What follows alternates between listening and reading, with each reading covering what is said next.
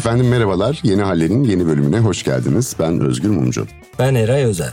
Bulunduğunuz ortamdaki hava kalitesini iyileştiren Dyson hava temizleyiciler sunar. Bu bölümde hava kirliliğinden bahsedeceğiz. Bir de konuğumuz var. Havayı koklayan adam olarak bilinen Bünyamin Sürmeli ile beraberiz. Hoş geldiniz Bünyamin Bey. Hoş bulduk. Bünyamin Bey'e sorularımız var ama Özgür Bey ondan önce isterseniz biz ufaktan bu hava kirliliği meselesine bir girelim. Tabii benim hava kirliliği deyince ilk aklıma gelen 90'lı yılların başları. Ben o zaman işte ilkokul, ortaokul yıllarındaydım. Ankara'da yaşıyordum ve sıklıkla hava kirliliği tatilleri oluyordu. Ve hani ne yapmamız gerektiği de pek belli değildi. Yani şehri tamamen hava kirliliği sarmış. İşte evde otur diyorlar. E camı açıyorsun hava zaten içeri giriyor. E, dışarı çıkıp oynuyorduk biz bir yerden sonra. Pek de işe yaramayan bir tatilde ama hava kirliliği çok ciddi bir sorun da eskiden. Ama gördüğümüz kadarıyla hala da sorun olmaya devam ediyor gibi gözüküyor. Evet o kadar eskiymiş ki yani her bölümün başlangıcında neredeyse aynı şeyi söylüyorum ama bu da gerçekten insanlık kadar eski. Niye? Çünkü insan bir şekilde ateşin kendisi bulmamış olsa bile büyük orman yangınları var. Ateşten çıkan dumanın kendisine zarar verdiğinin gayet tabii ki farkında. Dolayısıyla bu dumandan kaçınmaya çalışıyor. Çok uzun zamandan beri de bununla ilgili şikayetler ortaya çıkıyor. Ama elimizde yazılı belge olarak 2400 yıl önce Hipokrat'a atfedilen yani tıbbın babası diye bildiğimiz klişe tabirle Hipokrat'a atfedilen bir kitap var. Havalar, sular ve mekanlar diye milattan önce 400'de yazıldığı söyleniyor. Atfedilen derken %100 emin değiliz tabii onun olup olmadığı. Hipokrat'tan beri yani 2400 yıldan beri insanlar temiz havanın insan sağlığına iyi geldiğini ve tam da bu yüzden de kirli bir havanın, kötü bir havanın, sisli puslu bir havanın da insan sağlığına zarar verdiğini düşünmeye başlamış. Roma'da çok daha açık görüyoruz değil mi Özgür Beyciğim bunu? Evet evet yani Roma'da mesela Seneca'nın yazılarından birinde rastlıyoruz milattan sonra 61'de. Roma'dan çıkar çıkmaz doğru düzgün nefes almaya başladım diyor. Ne kadar berbattır havası buranın diyor ve infamis air diyorlarmış. Yani rezil berbat hava. Çünkü işte sürekli bir şeyler yakılıyor, kömür yakılıyor vesaire falan odunlar ve is içindeymiş. Ciddi bir sorunmuş. Hatta İmparator Justinian hava, su ve deniz doğuştan gelme haklarımızdır hepimizin falan diye bir doğuştan gelen bir hak da ilan etmiş. Çeşitli tedbirler de almaya çalışmışlar. İşte bir şeylerin yakılmasını engellemek hava temizliği için pek işe yaradığı söylenemez. Şeyi de fark ettim mesela orta çağda çok fazla dökümcülük yapılıyor. Ve bundan ötürü sen de görmüşsündür belki. Yani İberya'dan Yunanistan'a kadar ciddi bir demircilik faaliyeti var Orta Çağ'da Avrupa'da özellikle. Ve bunun kuzey kutbundan alınan buzul örneklerinde tarihsel olarak bakılabiliyor ve havadaki kurşun oranının 10 katına kadar çıktığı görülüyor bir dönemde. Yani sadece sanayi devriminde değil ondan öncesinde de hava kirliliği bir sorunmuş gibi gözüküyor. Yaklaşık 5000 yıldır maden eritiyoruz biz insan evlatları olarak. Atalarımız, dedelerimiz, dedelerimizin dedeleri maden eritmeyi sürdürüyor ve bu dataya da yani bunun havaya nasıl bir etki bıraktığını da Özgür Bey'in de dediği gibi gidip bir yerdeki bir buz tabakası ama yüzyıllardır orada duran işte yani gölgede kalmış vesaire Bolivya'da filan da var benzer çalışmalar. Bakıyorlar ve o katmanları incelediklerinde işte o döneme ait katman yani üstüne buz eklenmiş karot deniyor. Oradaki partiküllere bakıp kurşun oranını bulmaya çalışıyorlar. Tabii sanayi devriminden sonra yani 1820-40 arasında işte bu buhar makinesinin icadıyla beraber İngiltere'de hızlı bir sanayi devrimi dalgası yayılıyor. E ve doğal olarak da e ne oluyor? İşte hem nüfusta büyük bir patlama var. Yani 1800'de 500 binden fazla nüfusu olan 6 şehri var bütün dünyada. 1900'e geldiğimizde bu sayı 43'e çıkıyor. Merkezi fabrikalar atölyelerin yerlerini almaya başlıyor. Fosil yakıta müthiş bir rağbet var. E bugün bildiğimiz durum ortaya çıkmaya başlıyor ve ilk başta pek ayrılığına varılmasa bile 1800'lerin ortasına itibaren artık 20. yüzyılda hava kirliliği modern çağın en büyük dertlerinden biri haline geliyor. Tabii ki sanayi devrimiyle birlikte büyük bir kopuş yaşanıyor. Çok da normal özellikle buhar makinesi ve orada yakılan kömür bir anda ortalığı tabiri caizse cehennem yerine çeviriyor. Özellikle Londra gibi Amerika kıtasının güneyinde bazı bölgeler vesaire basık alanlarda inanılmaz sis, hava kirliliği görülüyor ve işte bunlar ölümlere bile yol açabiliyor. Tarihte birkaç tane böyle vaka var ama herhalde en çok akılda kalanı 1952 yılında Londra'da 4000 kişinin ölmesiyle yaklaşık iki hafta süren bir sis tabakası neredeyse burunlarının ucunu yani kol mesafesinde görüş yok. Öyle bir kirlilik içerisinde yaklaşık 4000 kişinin hayatını kaybettiği tabii buna bağlı olarak binlerce kişinin de çeşitli hastalıklardan muzdarip olduğu ortaya çıkıyor. Ve bunun üzerine de zaten çevreyle ilgili bir takım önlemler alınmaya daha doğrusu alınan önlemler giderek hızlandırılmaya başlıyor. Ve 52'de başlayan süreç somut adımların atılması açısından 1970'lere kadar devam ediyor. 70'lerden sonra ise daha somut adımların atıldığını görebiliyoruz. Amerika'da biraz daha evvel 1940'lı yıllarda başlıyor aslında. 1943'te San Francisco'yu kaplayan bir hava kirliliği sisi var diyelim. Burada savaşın da 2. Dünya Savaşı sırasında olduğu için Japonların kimyasal saldırıda bulunduğu düşünülmüş ve halk ciddi bir paniğe kapılmış. Yani öyle bir etkisi olmuş. Yine birçok insanın hayatını kaybetmesine ya da hastalanmasıyla sonuçlanmış. Pensilvanya'da ufak bir şehirde Donora şehrinde 4 gün süren bir hava kirliliği durumu var. Şehrin nüfusunun yarısı hastalanmış. 6 bin kişi hastalanmış, 20 kişi ölmüş. Bütün bunlar dediğim gibi çeşitli tedbirler alınmasına yol açmış. Özellikle Batı devletleri, gelişmiş sanayi devletleri tarafından. Ama ilk de şunu görüyoruz. Ta 1842'de Leeds ve Manchester'da hava kirliliğine karşı mücadele etmek için insanlar dernekler kurmaya başlamış. Yani hemen de görülmeye başlamış aslında ama tedbirlerin alınması bir yüzyıl kadar almış gibi gözüküyor. Tabii canım yani şey de var mesela senin çok sevdiğin yakın arkadaşın Aristoteles'in mahkemede yandaki peynir dükkanında yayılan dumandan rahatsız olan komşuların yaptığı şikayet üzerine bir mahkeme başkanı olarak karar vermişliği var. Evet işte bu peynir dükkanı dumanını diğer evleri rahatsız edecek şekilde oralara doğru salamaz. Çünkü işte ev içi kirlilik dediğimiz durum ortaya çıkar diye Aristoteles'in birebir de işte böyle bir e, karar vermişliği var. Yani o zamana kadar da gidiyor istersek. Bugün tabii 1950'lerin İngiltere'si gibi olmamakla beraber vaziyet dünya genelinde çok çok da iş açıcı değil. Onu söylemek lazım. Şu anda Dünya Sağlık Örgütü'nün verdiği istatistiklere göre dünyada insanların %90'ından fazlası kalitesiz hava solumak durumunda şu anda. Yani belli bir sayıdaki partikülün aşıldığı bir havayı soluyor insanlar ve bunun yaklaşık olarak dünyada sigara kadar neredeyse insanın bir yıl boyunca ölümüne yol açtı tahmin ediliyor. 7 milyona yakın insan. Bunun da yaklaşık 3.8 milyonun iç mekandaki hava kirliliği sebebiyle hayatını kaybettiği düşünülüyor. Yani dünyadaki ölümlerin toplam %4'ü iç mekan hava kirliliğinden kaynaklanıyor bir sene boyunca. Bu benim bilmediğim ve beni biraz irkilten bir oran oldu ne yalan söyleyeyim. Ve şunu da görüyoruz tabi Afrika, Hindistan, Çin, Doğu Avrupa, Orta Doğu gibi bölgelerde ve kıtalarda hava kirliliğinin çok daha fazla olduğunu görüyoruz. Yani batı devletleri biraz daha yırtmış durumdalar. Mesela Avrupa'da en çok havası kirli olan e, ülkeler Ukrayna, Bulgaristan, Beyaz Rusya, Rusya gibi. Yani ne kadar gelişirse bir ülke hava kirliliği o kadar azalıyor. Onu görüyoruz. Dünyada e, senede 225 milyar dolar iş gücü kaybına yol açtığı düşünülüyor. Hava kirliliği sebebiyle ki hastalıklar ya da yaşam kayıpları. Yani bu istatistikler biraz tabii üzücü. Fakat biraz da durumu Bünyamin Bey'le de konuşalım. Kendilerinin efendim Dyson ve National Geographic ile beraber yürüttükleri bir proje var. Dyson Backpack, Dyson sırt çantası projesi diye. Biraz ondan bahseder misiniz Bünyamin Bey bize? Ben bir reklam projesi gibi görmüştüm ama aslında tam bir reklam projesi değil. Backpack satılan bir ürün değil. Yani aslında buradaki mesele İstanbul'un hava kalitesinin nasıl bir havayı soluyor ve dünyada birçok ülke için, birçok şehir için, mega şehirler için özellikle böyle bir şey çalışma. Bu aslında İstanbul'un hava kalitesi hani dünyada öyle kötü sıralar içerisinde şu anda değil. Ama tabii ki hava kalitesi derken birçok şeyden bahsediyoruz. Yani hep böyle gözümüzde gördüğümüz kokusunu aldığımız mesela kükürtün kömür yandığında alırız mesela o kokuyu değil mi? Yani kokusunu aldığımız zaman havada bir kirletici var. Onun dışında yok gibi düşünüyoruz ama bir kısmını görmüyoruz ve kokusunu da almıyoruz. O yüzden ev bu noktada önemli. Çünkü aynı durumu biz metrolarda da yaşıyoruz. Aynı durumu AVM'lerde de yaşıyoruz. Aynı durumu trenlerde, e, alt geçitlerde, girdiğimiz kapalı mekanların büyük kısmında görüyoruz ya da göremiyoruz, kokusunu alamıyoruz. Burada şehrin böyle stratejik mesela insanlar nereden etkilenir? Metroda, trende, minibüste, vapurda, denizde, karayolunda, arabanın içerisinde, takside falan. Yani böyle kapalı girip çıktığımız bir gün içerisinde. Çünkü biz şöyle düşünüyoruz. Hava kirli o dışarıda olmayayım. İçeriye girdin tamam artık kirleticiye maruz kal. Böyle bir durum yok. Ve burada baktığımızda İstanbul'un belli ilçelerinde ki zaten bu hani İstanbul'un hava kalitesinin ölçüldüğü, valilik tarafından ölçüldüğü web siteleri falan var. Orada da bölge bölge hangi bölge hangi ilçe daha kirli burada görüyoruz ama buradaki mesele hangi ilçenin ya da hangi bölgenin daha kirli olduğu değil. Bir gün içerisinde bir kişi dolaşırken çok temiz bir ilçede oturuyor olabilir. Yani bulunduğunuz ilçenin havası çok iyi olabilir ama siz çıktınız, markete gittiniz, şehrin öbür yakasına geçtiniz, geri geldiniz, işe gittiniz ve bu esnada, bu dolaştığınız esnada neye maruz kalıyorsunuz? Yani buna baktık. Burada da işte belli noktalar vardı.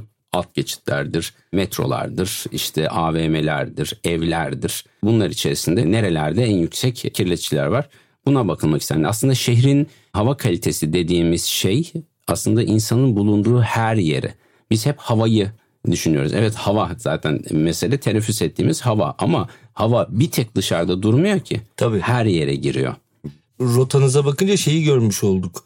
İşte siz bir taksiye biniyorsunuz, iniyorsunuz, yol kenarında bekliyorsunuz. Bir kafeye gidip oturuyorsunuz. Hatta kafede de değerler kafenin içerisinde de çok yüksek çıkıyor. Yani iç mekanında bu açıdan havanın kirli olabileceğini iç mekanda da gösteren bir veri o da. Aslında günlük bir insanın yapacağı rotayı, bir benzeri bir rotayı yapmış oluyorsunuz ve maruz kaldığınız bir takım materyaller, maddeler var. Şimdi bu maddelerde biz hava kirliliği deyince aslında neyi kastetmiş oluyoruz? Yani hava kirliliği Şimdi bir hava insanın kirliliği- neye maruz kalması sonucunda hava Şimdi- kirli diyebiliriz. Hava kirliliği dediğimiz hadise normalde atmosferin kimyasında olmayan bir gazın atmosfere girmesi ve buna maruz kalınması durumu kirletici ve kirleticiye maruz kalmak. Şimdi bizim standart bir atmosferimiz var. Kimyası belli, ozonu belli, oksijeni belli, azotu belli, argonu belli, neonu belli. Yani onun dışında bunların her birinin oranının değişmesi, olmayan bir kimyasalın içeriye girmesi ve bunların seviye yer değiştirmesi. Şimdi bunların hepsi bize kirletici demek. Mesela bizim hep üzerinde durduğumuz önceden konuştuğumuz vardı ya deodorantlardan çıkan kloroflora karbonlar buzdolabı gazı işte aman ozonumuz parçalanmasın. Şimdi bizim için ozon aman yok olmaması gereken bir gaz ama yer seviyesinde ozon oluşturduğunda zehirli. Kirletici senin için ozon. Şimdi ozon kirletici mi değil mi? Ozon yer seviyesinde olursa kirletici. Yukarı seviyede olursa seni kanserden koruyan özellikle ultraviyole C'yi süzen gaz. Dolayısıyla burada kirletici dediğimiz şey atmosferin normal şartlarda kimyasında olmayan yanma, reaksiyon ve bir takım sebeplerle açığa çıkan diğer gazların ya da partiküllerin sizin bulunduğunuz, solduğunuz alana giriş yapıyor olması. Aslına bakacak olursak biz hani takside kafede daha yüksek çıktı diyoruz ya. Zaten kapalı mekanda daha yüksek çıkması o kadar olağan ve normal ki. Şimdi hava dediğimiz şey soluduğumuz hava yani dünyanın bütün atmosferi zaten her yerde aynı. Ve sen o havayı alıyorsun sen alıyorsun derken hava geliyor binaların içerisinde de bulunuyor yerde de bodrum mesela bodrum kata iniyorsun. Bodrum katta oksijen yok mu Hava yok mu? Var. Yani hava her yere giriyor. Ama bir de sen kapalı mekanda onun üzerine bir şeyler daha ekliyorsun. O nedenle zaten dışarının havasından her zaman kapalı mekan potansiyel olarak daha fazla kirletici bulundurma durumu vardır. O nedenle taksiye mi bindin? Taksi dediğin şey bir araba en nihayetinde. Bu durum senin kendi arabanın içinde söz konusu. Yani taksiye binecek kirli kendi arabana binince değil. Değil. Tabii. İşte AVM'ye gittin orası böyle ama senin evin değil değil. Yani o nedenle kapalı olan her yer için potansiyel. Çünkü şimdi iklimlerimiz değişiyor diye o kadar böyle indirekt fark etmediğimiz değişimler meydana geliyor ki mesela karbondioksit artıyor. Karbondioksit artınca ne oluyor? Havamız ısınıyor değil mi? Çünkü ısıyı tutuyor. Sera etkisi dediğimiz bir hepimiz birçoğumuz biliyoruz. Yani üzerinden bir daha geçmeye belki gerek yok. Ne yapıyor? Güneş ışınları geliyor. Çıkmaya çalışırken karbondioksit bunu yakalıyor. Tekrar ışın yaymaya başlıyor 360 derece hem güneş ışınları gelmeye devam ediyor hem karbondioksit aldığı ısıyı bir daha dünyaya yolluyor ve biz daha fazla ısınıyoruz. Karbon... Sera etkisi dedikleri bu zaten. Sera etkisi. Aslında sera etkisi olması gereken işte ozondan bahsediyoruz ya yer seviyesinde zararlı yukarı seviyede gerekli diye. Mesela sera etkisi. Sera etkisi olmasa dünyada insanoğlu yaşayamıyor zaten. Yani sera etkisi zaten lazım. Karbondioksite yani ihtiyacımız var. Olmadan olmuyor ama buradaki mesele miktarının artıyor olması. Şimdi o karbondioksit arttı. Sadece dünya ısındı mı? Hayır. Ne oluyor? Hani bazı hayvanlar vardır ya önüne yemi koydukça yer yer yer yer yer çatlar. Şimdi bazı bitkilerde de artık karbondioksit havada. Hepimiz karbondan oluşuyoruz. Hepimiz karbonuz yani.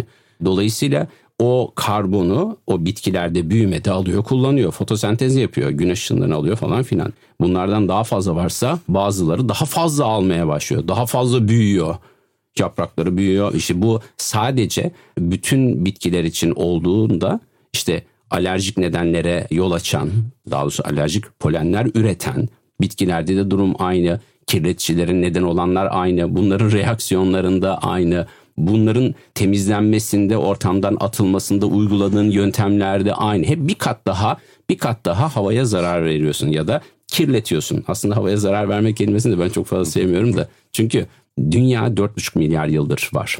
Atmosferi de işte bir süre sonra oluşuyor. Yani insanoğlu dünya üzerinde yokken bu dünya var ve insanoğlu bu dünya üzerinden gittiğinde de muhtemelen bir şekilde yaşantısına devam Tabii. ediyor. Dolayısıyla biz hep kendimize zarar veriyoruz. Çünkü dünya bir kar topuna dönmüş ama kutupları dahil olmak üzere bütün buzullarını erittiği zamanları da olmuş. Dolayısıyla bu sıcağı ve soğuğu yaşıyor. Dünyanın yaşantısı bu şekilde ama böyle bir sürede yaşamıyor. Yani bu kadar adaptasyon sorunu yaşıyoruz biz şu anda. O adaptasyon sorunu yaşadığımızı da yaşadığını da en geç anlayan canlı da herhalde dünya üzerinde insanoğlu. Çünkü dünyadaki bütün canlılar yani bulutların içerisindeki nanobakteriden tutun kambur balineye kadar hepsi hareket ediyor. Şu anda diyor ki anormal bir durum var ve benim bulunduğum yeri değiştirmem normalimdeki ısıya dönmem lazım diyor ve yer değiştiriyor. Bunu sürüngenler yapıyor, kuşlar yapıyor, bakteriler yapıyor, virüsler yapıyor. Dediğim gibi bütün deniz canlıları yapıyor. Ama insan diyor ki "Ya bir dur bakalım yarın ne olacak. Ali, Ali Bey ne yapacak? Biz ona bakalım. Ali Bey ne yapacak? Ona bakalım. Bizim komşu ne yaptı? O çıktı mı bakalım. Yani dolayısıyla böyle bir durum var. İşte çok girift. Yani değişken çok fazla. Matris çok karmaşık. Dolayısıyla bir karbondioksit artışı ve dünyanın ısınması değil mevzu. Mesela Avrupa'da biraz önce bahsediyoruz. Avrupa küresel ısınmadan iki katından daha fazla ısınmış. Bak iki katından fazla. Oo, Avrupa çok kötü durumda mı? Hayır. Çünkü biz daha kötü durumdayız. Biz o kadar ısınmadık. Yani problem o kadar karmaşık Tabii. ki. Mesele ısınma değil Katmanlar sadece. farklı yani. Ben Evet. farklı katmanlarda farklı şeyler Buradaki cereyan ad- ediyor. Adını zaten o yüzden iklim değişikliği koyuyoruz. Küresel ısınma, küresel iklim değişikliği. Küresel ısınmada problem yok. Yani ısınmada problem olsa dünyanın %90'ı yaz aylarında tatil yapmaz. Yani bu kadar sıcakta tatil yapmayız değil mi? Yani o kadar seviyoruz. Ayarsızlık sorun yani. Ayarsızlık sorun. Dolayısıyla o kirleticileri biz kapalı mekanlarda aslında daha fazla artırmış oluyoruz. Çünkü orada işlem yapıyoruz. Onu sormak istiyordum ben de Bünyamin Bey. Yani dışarıda bir sürü kirleticiye maruz kalıyoruz tabii sanayi devriminde gelmesiyle beraber falan. Ama bir de içeride bir de üzerine bir yük daha ekliyoruz biz sanırım. Ee, kullandığımız mobilyalardan tutun işte yaktığımız mumlara kadar. Yani nelere maruz kalıyoruz biz içeride fazladan? ısıtıyoruz, soğutuyoruz, kaynatıyoruz, pişiriyoruz. Yani yediklerimizin pişmesi esnasında da işte sularımızı kaynatırken de evlerimizdeki halıların işte üzerinde çektiği toza, toprağa, işte bakteriye, virüse, mike falan diye bahsediyorlar diye eskiden hep reklamlarda Evet, çıkıyordu. öyle geçerdi. Bunlara kadar yine kullandığımız mobilyaların üzerindeki vernikler şunlar bunlar. Bunların hepsi hepsi kimyasal. Yani bizim yine kulakları çınlasın Profesör Miktat Kadıoğlu şey diyordu böyle sen yatağa yatıyorsun böyle çarşafından aslında oh mis gibi o kokuyu alıyorsun. Aslında o diyor o deterjanın kimyasını kimyasını diyor oluyorsun orada farkında değilsin. Yani yıkanmış bir çarşafla Evet, mi? evet. Dolayısıyla hani şu şuna, bu buna, bu buna neden oluyor diye başladığımızda zaten onlarca başlık var. Bunlardan bir tanesi işte radon. Radon nedir? Yer altından gelip böyle bir şeye alt katlara biriken gazlar. Bunların havalandırmayla atılması ya da temizlenmesi bir şekilde gerekiyor. Dışarıdan giren kirleticiler var. Evde ısıtma, soğutma, pişirme buna bağlı işte fırınlar şunlar bunlar bunları yakması bir dolu kirletici açığa çıkıyor. Dolayısıyla her zaman her zaman havalandırmak yeterli olmuyor. E çünkü bir kısmı yere çöküyor, ağır bir kısmı havada asılı duruyor, yükseliyor, tavan seviyesine çıkıyor. Bir kısmını camlarla sirküle edip atabiliyorsun ama atarken dışarıdan başka şeyleri içeri sokuyorsun. Dolayısıyla kapalı mekanların e, ayrıca temizleniyor olması lazım. Yani bu yine sponsorumuz Dyson'ın temizleyicisi gibi hava temizleyicisi aynı durum işte arabalar içerisinde de. Yani mesela bir takım şeyler var. Ne yapıyoruz? Kirli bir yerde hemen iç sirkülasyon düğmesine basıyoruz. Bir de orada bir seçenek koyuyor. Diyor ki alerjenleri ve partikülleri tutsun ve geri kalanı içeriye alsın diye seçenek koyuyor. Bunun gibi aslında bu çok yeterli değil ama bunların hepsinin hepsinin artırılması lazım. Çünkü insan uzunca bir süreyi ve şimdi düşünelim ne kadar günün kaç saatini açık havada geçiriyoruz? Kaç saatini kapalı mekan. Ev Çok o- daha fazlasını kapalıda geçiriyoruz. Evet ve en fazla süreyi de aslında farkında olmamakla beraber evde geçiriyoruz. Ya ben evde hiç oturmuyorum diyen bile 8 saat uyuyoruz. Evet 5-6 saat uyuyoruz. ve Yine araştırmalar şunu gösteriyor. Biraz önce dünyanın %92'si 95'i ya da kalite sınırlarının dışındaki kirleticilerle beraber yaşıyor diye. E, yapılan araştırmalar yine dünyadaki birincil ölüm sebebi olan hastalıklarla hava kirleticiler arasında direkt bağlantı kurulmuş durumda. Yani kanserle bağlantı kurulmuş durumda. Akciğer kanserinin %20'sine yakın 18-19'unun direkt nedeni olduğu düşünülüyor. Kardiyovasküler hastalıklar, kalp hastalıkları, metabolik hastalıklar, diyabet şu bu falan, inmeler. Yani dolayısıyla şunların hepsini zaten bir araya getiriyor ya dünyanın normal şartlarla trafik kazalarıdır, uçak kazalarıdır, intiharlardır, şunlardır. Bunları attığımızda geri kalan normal ölümlerin çok büyük kısmını teşkil ediyor zaten. Kalp, kanser, diyabet ve benzeri metabolik hastalıklar. Yani Evet. hepsiyle de bağlantısı var. Yani benim de okuduğuma göre hava kirliliği dünyada dördüncü büyük insan sağlığı tehdidiymiş. Sebep olduğu hastalıklar sebebiyle ve işte programın içinde de başında da söylemiştik ki sadece iç mekan hava kirliliği sonucunda hayatını kaybedenlerin dünyadaki toplam ölümlerin yüzde dördü olduğu düşünülüyor. Yani bu çok acayip bir oran değil mi? Evet. İnsan normal kendi hayatına baktığında da zaten şeyi hissediyor. Mesela çok uzun süre başka bir yerde kaldım diyelim. İş sebebiyle 15 gün 20 gün başka bir yerde kaldım. Daha girer girmez ben o alerjiyi hissediyorum mesela. Alerji açısından özellikle zaten hayat kalitesini de değiştiren bir şey. Sağlık bozuyor cepte. Bir de yaşam kalitesi diye bir şey var yani. Bir de maalesef bir geri besleme var. Yani o karbondioksit artıyor. Yeşil alanlar e, kuraklık sebebiyle yok olurken olanlar da daha fazla büyüyor. Onların yaydığı alerjenler daha fazla e, yayılmaya başlıyor. Onlar tekrar geri beslemeyle ısınmaya destek veriyor falan. Böyle bir hani eskilerin tabiriyle kısır döngü meydana geliyor. Biz bir yeri bozarken aslında çok yönü fark etmediğimiz onlarca onlarca sonucu getiriyoruz. Çünkü insanoğlu maalesef hani zekasıyla belki de dünyayı güzelleştirmesi gerekirken hani dinozor zekası var mı ona bakmak lazım. Çünkü 100 milyon yıldan daha uzun süre dünya üzerinde kalmış dinozor türleri var. Yani biz hani en iyimser Şunun şurasında. hani şunun şurasında 200 bin yılı devirebilecek miyiz? Ki onu da hani o da biraz 60 bin falan aslında. Yani şöyle bir hani, hani farklı farklı insan gelmemiz. tipleriyle hani biz iyimser davranıp e, atalara biraz gidip 4 hani- milyar yıl içinde o kadar ufak bir zaman dilimi ki aslında. Hani biz Ya işte şey yapıyorduk biz kaplumbağa üzerine bir bölüm çekerken konuştuk da kaplumbağanın Deniz alt tarafına deniz kaplumbağasının kabuk gelmesi 400 bin yıl sürmüş. Yani şimdi hani kaplumbağanın kabuklanması bizim yani kabuklanmasının küsuratı kadar bu dünya üzerinde bu gezegen üzerindeyiz yani. Bu dediğiniz süreyi de yine başka bir örnekte yaptığımızda işte bu bizim bir derecelik, bir buçuk derecelik sıcaklık artışını son 500 binle 1 milyon yıl arasındaki dalgalanmaya yani böyle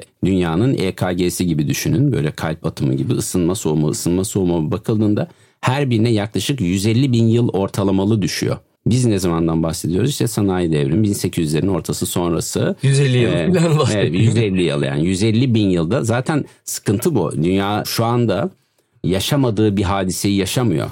Yani bugüne kadar görmediği bir şeyi yaşamıyor. Ama insanoğlu yani üzerindeki canlılar bu kadar adapte olamadan yani bu dediğin gibi türlerin yapıları değişiyor o binlerce yıl Tabii. içerisinde.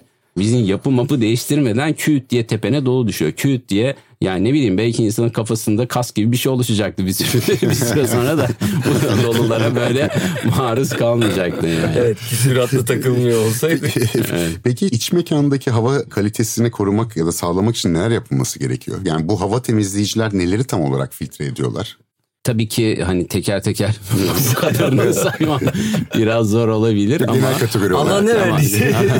yani yani kükürt dioksitten azot oksitlere kadar çünkü yanmalar özellikle çünkü her yerde bu mevcut ve zehirleyici etkileri işte karbon monoksit olsun karbon dioksit ayrı karbon monoksit yanma sonucunda zehirleyici ondan sonra o Özellikle son dönemde eklenen o formaldehitler eklenmiş durumda. Özellikle uçucu ve alerjen aynı zamanda kirletici olarak kabul edilen sınıf içerisinde.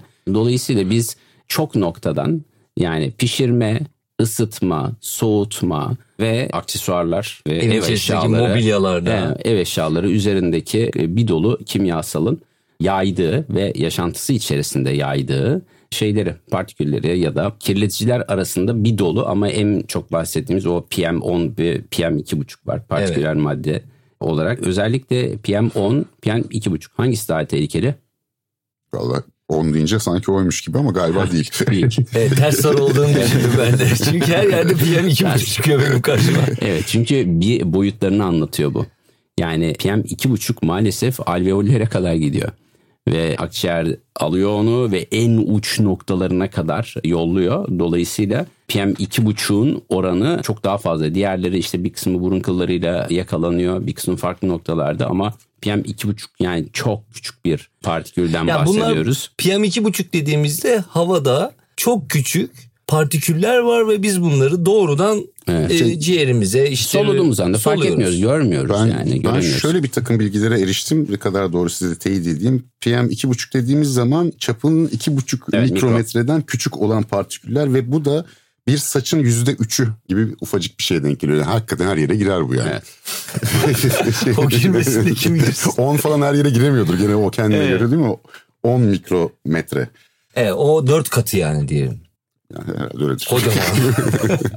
Şimdi insan sağlığı bakımından işte özellikle mesela ön plana çıkarılan bu zararlı gazlar bakımında işte partiküler madde dedik PM2,5 mikrometreden bahsediyoruz ve 10'dan sonra hatalı yanma karbon monoksit var çıkan ozon var yer seviyesinde oluşan nitrojen oksitler var o NO2 NO2 diye gördüğümüz ondan sonra kükürt dioksitler var pişirmeden ısıtmadan soğutmadan yağ yakma kandiller falan böyle çok nostaljik ve hoş geliyor bize. Ya da mumlar tabii farklı inançlar ve beklentiler bazen işin içerisine giriyor ama işte orada da hani böyle bir şey seviyorsak da arkasından yapılması gereken bir takım şeyler var. Oradaki havaya yayılan bir takım kirleticileri kaldırmak için ortadan. E ne yapmak gerekiyor?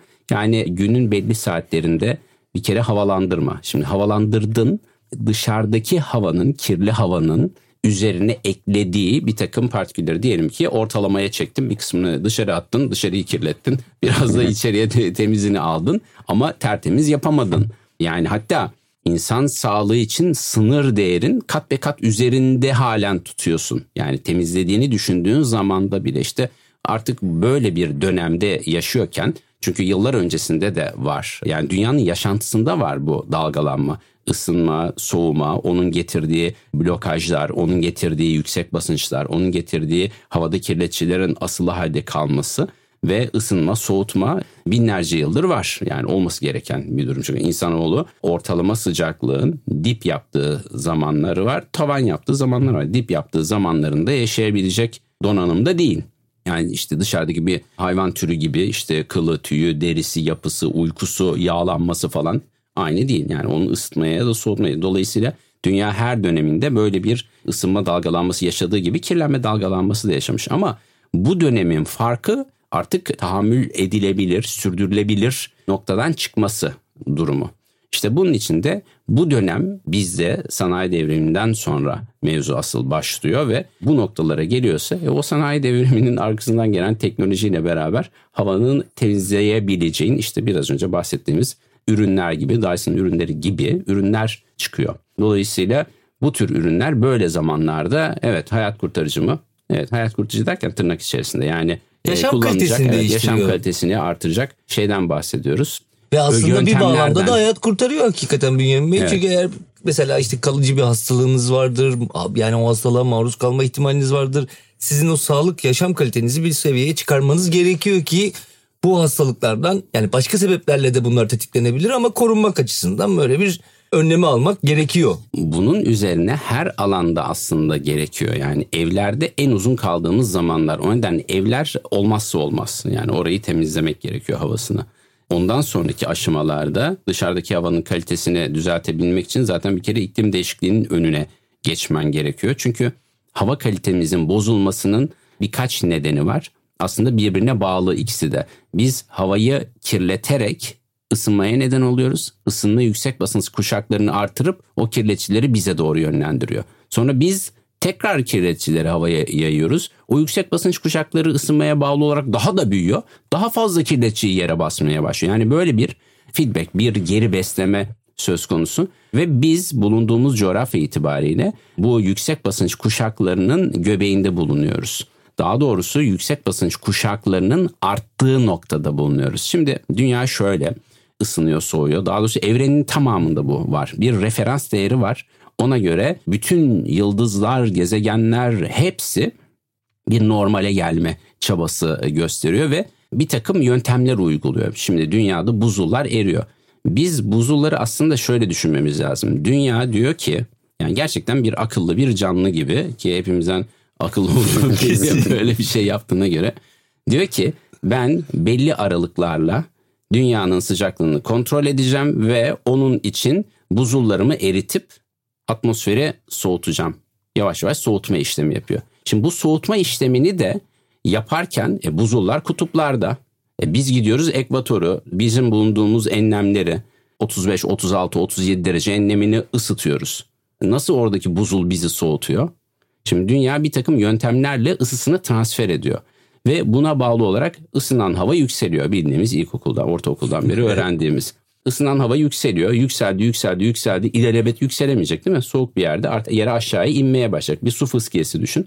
Yere inerken çıktığı yere inebilir mi? E alttan su gelmeye devam ediyor. Ne yapıyor? Etrafa doğru yayılacak. Yani kuzeye ve güneye doğru gidiyor.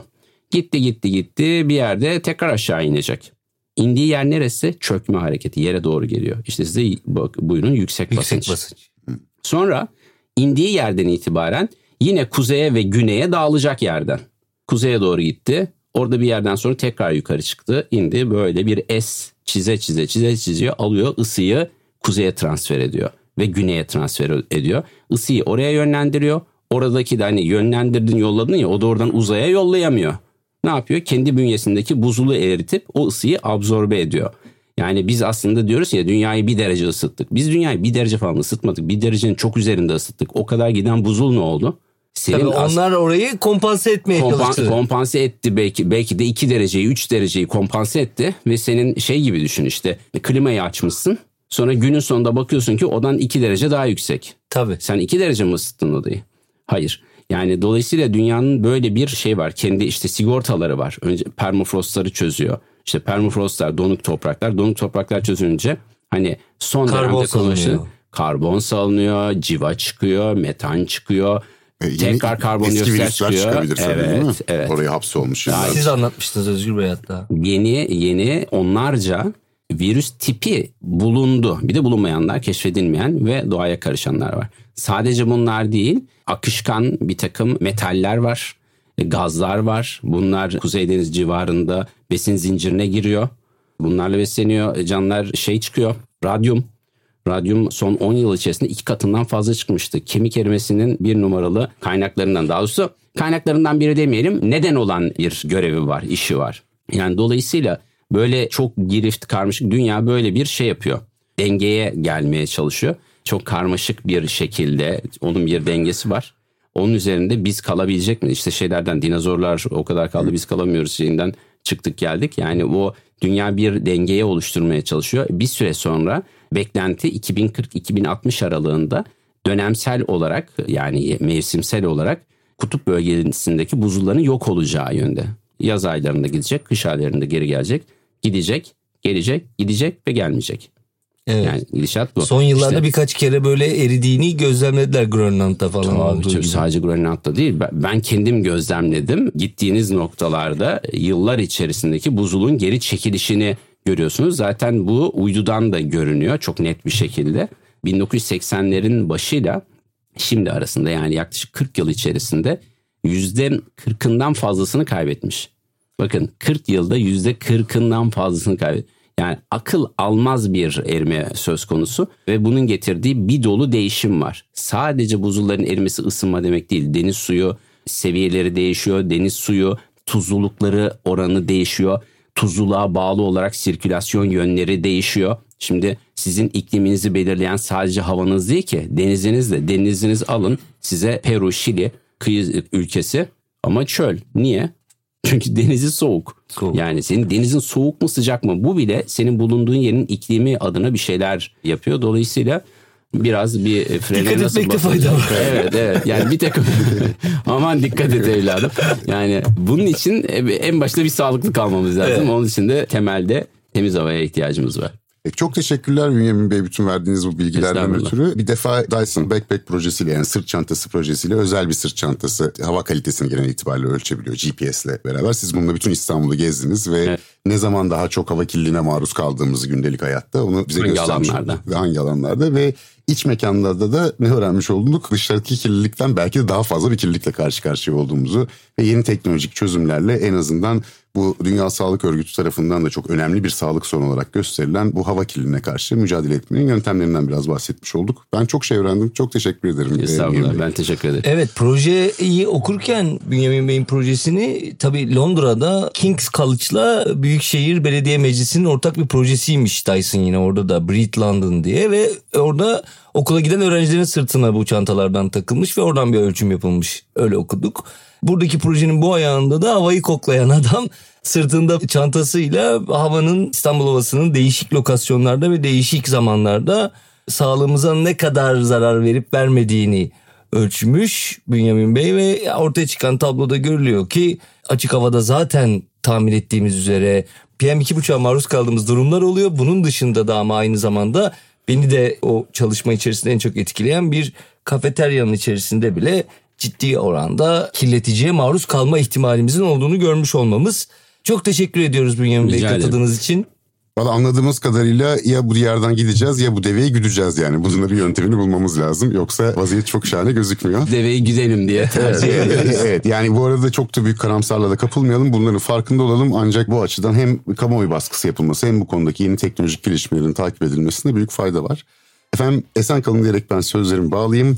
Bulunduğunuz ortamdaki hava kalitesini iyileştiren Dyson hava temizleyiciler sundu. Görüşmek üzere kalın sağlıcakla.